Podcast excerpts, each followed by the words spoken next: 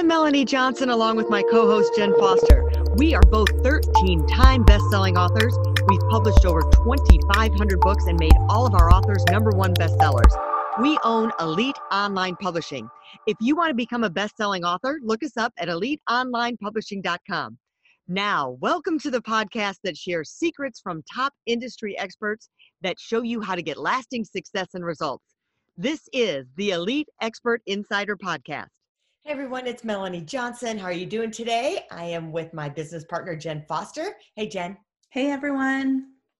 All right, so we're going to talk podcasting today. It is all the rage. Have a podcast, be on a podcast. So, we want to talk about why you should have a podcast, why you should be on a podcast. And guess what? We wrote a book about having a podcast and having a book and how to create a book from a podcast and how to get clients from your book and your podcast. Yeah, so let me show you a, a picture of the book just so you can see what we're talking about here. It's called Podcast Authorized, and it's how to turn your podcast into a book that builds your business.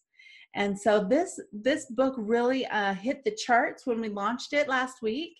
We were super excited to have all the support we did from our friends and um, our our our followers. I guess you could call them. We call them our friends, but our followers and the people who who follow us, and we hope that you would follow us too. If you haven't subscribed to the podcast, go ahead and do that. But this book really dives deep into why you should have a podcast, how you can get leads from your podcast, and how you can grow your business by having a book and a podcast and using them together. So that's kind of what we're going to dive into for a few minutes here today. Um, so what tell us what melanie you want to go over? Well let's talk about like we're going to talk about expanding your reach through your audience connecting with podcasters spreading your word about your business um, gaining trust a bunch of different stuff. So let's talk about how do you connect with an audience by having a podcast or being with on a podcast? Yeah well the very first thing of course is you got to know who your audience is. So you got to have that avatar that um, perfect client or that ideal client who is mm-hmm. it that you want to talk to and share your message to whether you're doing a podcast on your own or doing an interview style like we do on elite expert insider you want to make sure that you have who that in your mind of who you're talking to Yep. And then what it does when you go to create a podcast or be a guest on a podcast, it's absolutely imperative that you have a book to go with it because then you have content that people can find you on Amazon and get more content from you afterwards. Or you can even use it to give your book away from the podcast, whether you're on one or you have your own. So that's a great way. It gives trust, it gains trust for your audience and clients and prospects um, while you're building your business and associations by having that book and having those interviews on podcast as well. And then um, tell tell them Jen how maybe it can drive site to your traffic and um, and gain pop gain popularity by doing that. Yeah. So, you know, having a podcast, you're going to build trust, right? You're going to, your audience is going to be listening to you or watching you if you put it on YouTube like we do or other video podcasting services that, that uh, show the video, but they're going to like you and trust you because they're listening to you. Um, I've listened to a few podcasts and when you hear their voice, you just automatically like feel like you know them. I mean, you're in the 10th or 20th episode, you just feel like you know them. So that builds the trust and then from there you know they're going to be sharing it with their friends sharing it with other people. Hey you got to listen to this podcast. A few of the podcasts i've listened to was because someone referred and said hey you got to listen to this. So think about it like if you read about a company online like gosh do i want to hire this window company or plumbing company or consultant or social media company? So but if you could see them and actually talk to them hear them without like having a conversation with them. It's like i get to know them by listening to them see how they interact with people see uh, if they have expertise when they talk about their services before you even call them so you don't even have to connect or opt into their system, right? And get those emails from them that we dread all the time. You can get to know them through their podcast, being on a podcast or having their own podcast. Or if they have a book, you can go on Amazon and read the preview of the book without even buying it for a few pages and seeing who they are and get familiar with them. So it's a great way to bridge that gap of just having a web page and people really getting to know you. Because even if you put a video on your web page, it's kind of more state and you're like professional talking about your business versus like when we're on our podcast we just feel like we're just chatting it up and having coffee and hanging out and having conversations with people and then you really get to see who we are and how we interact with people. So it's a much cooler way to broadcast your message. And it's the new way. So before, if you wanted to be on the radio, think about that. I mean, I used to have a TV station, and if you wanted to have a show on my TV station, first of all, uh, barrier to entry was very high uh, just to even have the conversation with me and then after that it was like well why should i have you on and then you know it's going to cost you money too to do that and you're going to be in a limited time frame and then if you didn't see the show when it was on the one time so let's say we gave you a uh, you know, it wouldn't be a great time slot. It'd be like maybe 1 a.m. You'd have a 1 a.m. time slot that you bought the time from us.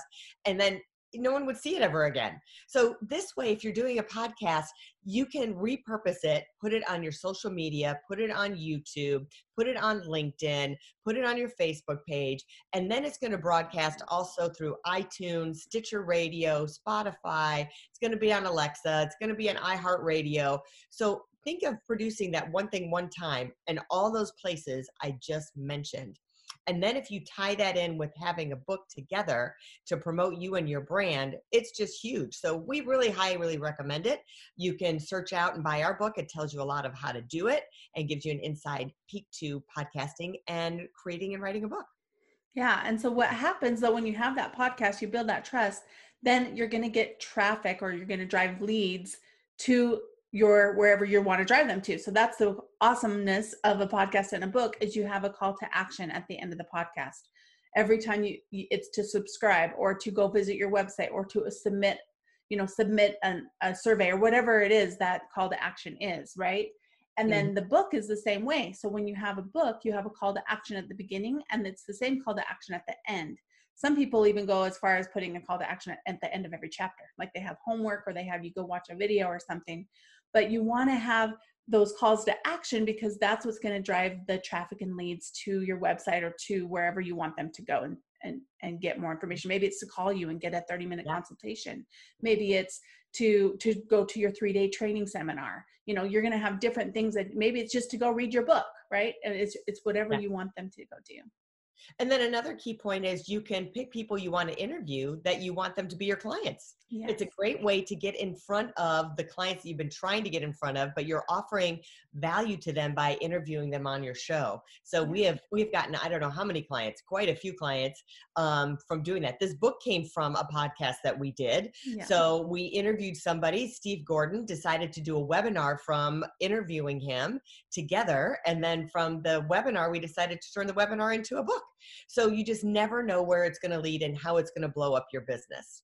Yeah, it's awesome. So, if you want to learn more about how to do a podcast or how to write a book or to put them together and do both at the same time, which yeah. you can totally do, then go check out the book Podcast Authorized and you can get it on Amazon. You can find it on, if you go to Amazon and search Melanie Johnson, you can check out her page. She has an Amazon author page. You can click on where it's blue, it says her name. You can click on her name and see all of her books, but Podcast Authorized is there or you can also look for my Amazon author page, Jen Foster. We'll have those in the show notes um, as well, those links to our Amazon author page. And we hope that you go and learn everything you can about how you can start a podcast and turn it into a book, and or vice versa. If you have a podcast, turning it into a book. Yeah, so you can have a book into a podcast or a podcast into a book and use them both for your marketing tools. So thanks for joining us today. Remember to subscribe to this podcast and buy our new book, Podcast Authorized. That's our call to action today. Yes, have a great day.